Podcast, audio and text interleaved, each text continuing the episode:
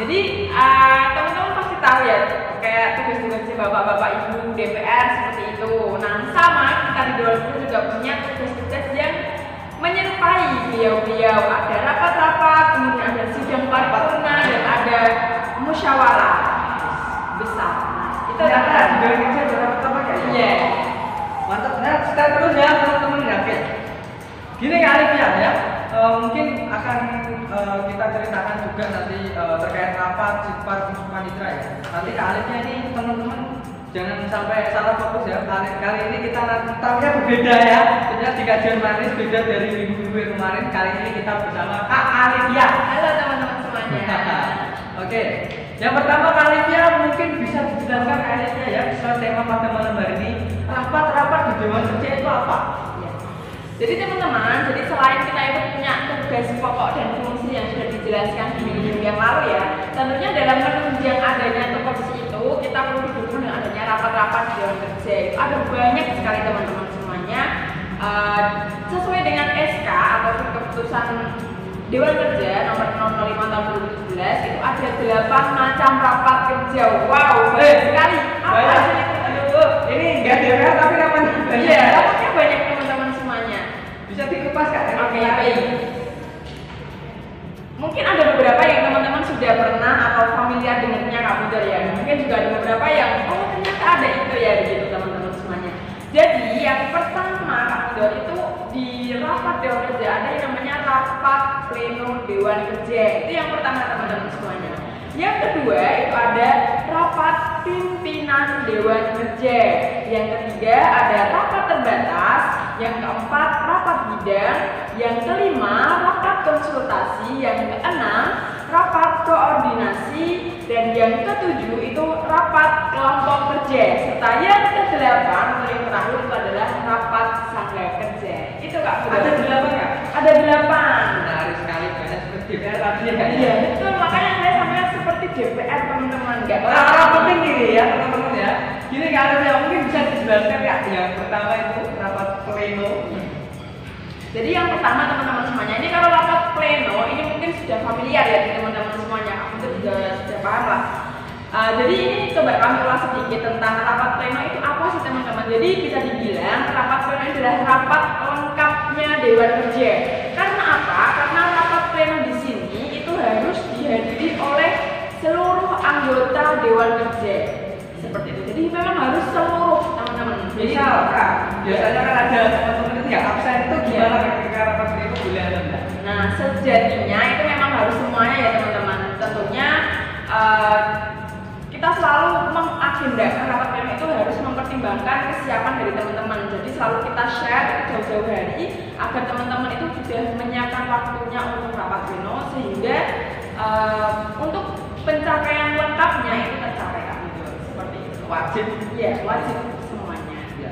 Nah ini saya lanjutkan teman-teman. Jadi eh, apa sih tujuan dari adanya rapat pleno teman-teman? Tentunya kan eh, perlu kita ketahui bersama ya.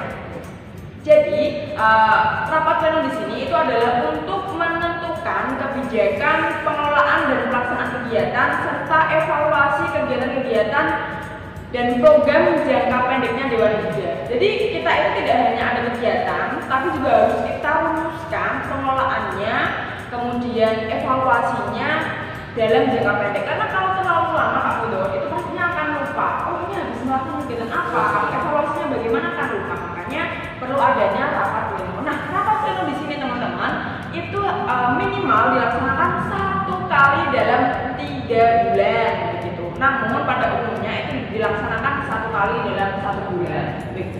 Jadi, Itu Kak. Biasanya bahas jangka yang akan kita uh, lalui di bulan depan apa sama evaluasi Iya, bulan ini. seperti itu, betul. Selanjutnya ada apa lagi Kak? Rapatnya. Jadi yang kedua, setelah ada rapat pleno yang merupakan rapat lengkap, di sini ada rapat pimpinan Dewan Kerja Kak. Pimpinan khusus ini kira-kira. Iya. Jadi sebagaimana nama rapatnya, itu kan rapat pimpinan. Jadi rapat pimpinan di sini itu uh, fungsinya itu hampir sama seperti rapat pleno, namun di sini secara peserta rapatnya atau orang-orang yang di dalam rapat itu terbatas hanya dari unsur pimpinan Dewan Kerja. Siapa itu? Yang pertama kamu dari itu ada ketua. kedua itu wakil, sekretaris, serta bendahara. Hanya dari empat unsur itu saja itu yang dinamakan rapat pimpinan. Nah, uh, kemudian untuk secara waktu itu uh, minimal dilaksanakan satu kali dalam dua bulan seperti itu. Menarik, menarik. Ya, ini jadi ya kayak ibu bapak-bapak dari DPR itu lah. Jadi selain ada rapat lengkapnya juga ada rapat terbatas menunjukkan ketua, wakil dan sekretaris bendahara seperti itu kan. Menarik. Kalau rapat pimpinan ini kak, ya. Kalau rapat pimpinan ini yang dibahas itu apa kira-kira? Jadi uh, biasanya kalau kami di Dewan Cabang Kudus uh, dalam pelaksanaan rapat pimpinan itu tentunya ada hal-hal banyak sekali yang kita bahas. Uh, salah satunya atau di antaranya itu adalah hal-hal yang akan kami dalam rapat pleno. Jadi uh, umumnya kami melaksanakan rapat pimpinan itu sebelum melaksanakan rapat pleno, sehingga kita sudah uh, ini menyusun hal-hal yang akan kami sampaikan di rapat pleno seperti itu. Mungkin ada uh, apa namanya review program, kemudian kinerja teman-teman dengan seperti apa akan kita evaluasi bersama. Kurang lebihnya seperti itu. Menarik. Nah, selanjutnya ini ada rapat apa lagi kan? Ada delapan. Iya, delapan. Ini baru kedua ya,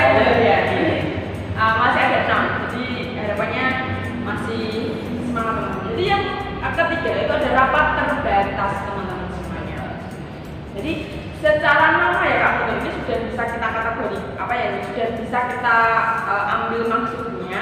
Jadi rapat terbatas di sini itu hanya diikuti oleh uh, para pimpinan DKC uh, atau pimpinan Dewan Kerja dan ketua bidang seperti itu. Maka dinamakan rapat terbatas karena tidak semua dari unsur Dewan Kerja, tapi juga ada uh, dari ketua bidangnya tadi. Betul. Lanjutnya kak. Ya. Untuk yang selanjutnya ada rapat bidang. Nah, rapat bidang di sini karena di Dewan Kerja itu kan ada pembidangan ya teman-teman ya. Tentunya teman-teman masih ingat di materi-materi yang minggu lalu ada empat bidang. Nah, jadi setiap bidang itu mempunyai uh, kesempatan untuk melaksanakan rapatnya sendiri. Jadi antara ketua bidang bersama dengan anggota bidang. Anggota bidang. Itu harus rapat bidang. Jadi untuk pelaksanaannya menyesuaikan. Misalkan teman-teman butuhnya seminggu sekali ketemu itu boleh, sebulan sekali itu boleh. Itu kalau rapat bidang tempatnya apa harus disanggar atau boleh sambil uh, nongkrong-nongkrong seperti itu gimana? Iya, nggak nggak harus ya. Oh. Jadi terserah teman-teman. Mungkin butuh di ruang terbuka hijau di alun-alun sangat boleh. Di tempat nongkrong sangat boleh. Lalu ini ada yang perlu ditanyakan Kak Dodon. Kalau disanggar kan free, tempatnya free, kemudian uh, jajannya juga free. Ini kalau di luar kan perlu dipertanyakan ya. Ini snacknya dari mana? Nah itu jawabannya adalah dari teman-teman sendiri. Silakan nanti dialokasikan mungkin uang sakunya untuk beli segelas kopi atau segelas susu gitu kan. Nah cocok ya teman-teman ya. Jadi nggak harus di sanggarnya teman-teman semuanya. Boleh di luar gitu kan. Bisa lah karena kan kadang itu ada uh, bidang cuma nggak ada anggotanya cuma satu orang itu gimana? Ya nah itu ya kadang eh, apa ya mau ada rapat bidang juga sedikit kalau tidak ada juga waktu seperti itu ya. silakan teman-teman tetap diadakan ya seyogianya kan eh, masih ada anggota bidang. Nah ini terpaksanya jika nanti mungkin ada bidang yang tidak mempunyai anggota ya itu berarti kan bukan lagi rapat karena kalau rapat kan dihadiri oleh eh, lebih dari satu orang kan seperti itu. Jadi nanti ya silakan bisa dirumuskan sendiri kemudian nanti dikonsultasikan kepada pimpinan kerja Oke lanjut ya. Ini tadi baru keempat yang kelima ada rapat konsultasi. Rapat konsultasi di sini itu memba- membahas segala sesuatu yang berkaitan dengan dewan kerja serta sistem pelaksanaannya. Biasanya kalau konsultasi itu yang sifatnya adalah ke atas Kak jadi seperti kita ini dewan kerja itu uh, konsultasi ke kuartir seperti itu. Atau mungkin ke dinas-dinas terkait mungkin mau koordinasi ke satuan uh, rapat konsultasi. Nah itu Kak Mudor saya lanjut ya. Jadi kan tadi yang kelima. Ini kaitannya juga. Yang keenam itu ada rapat koordinasi Kak Mudor jadi rapat koordinasi di sini itu juga hampir sama kayak rapat konsultasi. Hanya saja koordinasi itu lebih ke setara ataupun di bawahnya. Misalkan nih teman-teman DKD dengan teman-teman DKD sendiri ataupun teman-teman DKD dengan teman-teman DKR yang ada di uh, wilayahnya. Namanya rapat koordinasi. Jadi ten- uh, apa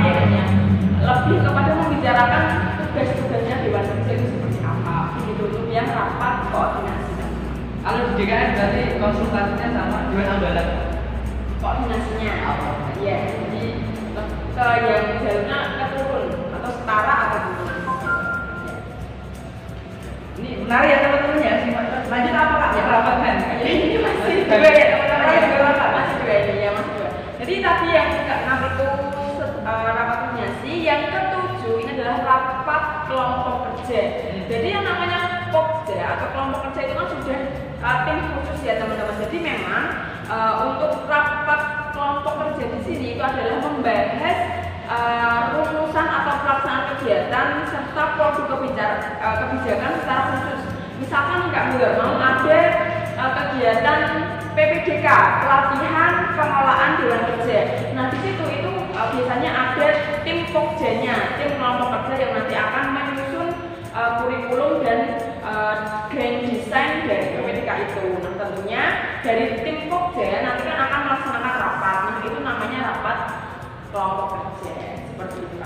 Biasanya kalau penyusunan kurikulum itu di dikonsultasikan sama siapa? Kak?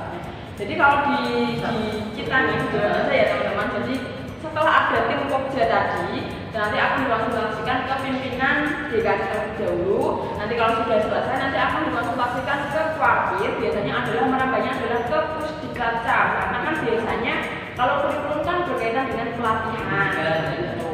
Jadi merambahnya adalah ke Pusdiklat. Menarik, berarti kita nggak boleh awal-awal aja Kita buat kurikulum Harus salah-salah dulu Nggak boleh ya, ada kurikulumnya ya Yang terakhir kali itu ya, rapat apa? Iya.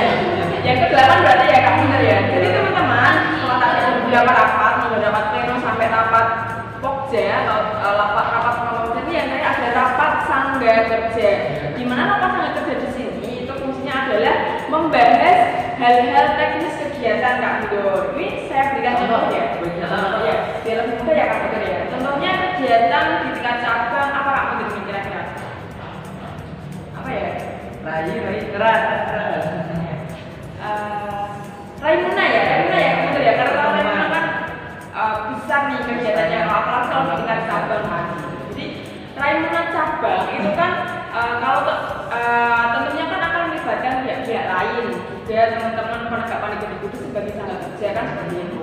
Tentunya kita dari geologi penyelenggara kan jumlahnya terbatas gitu kan.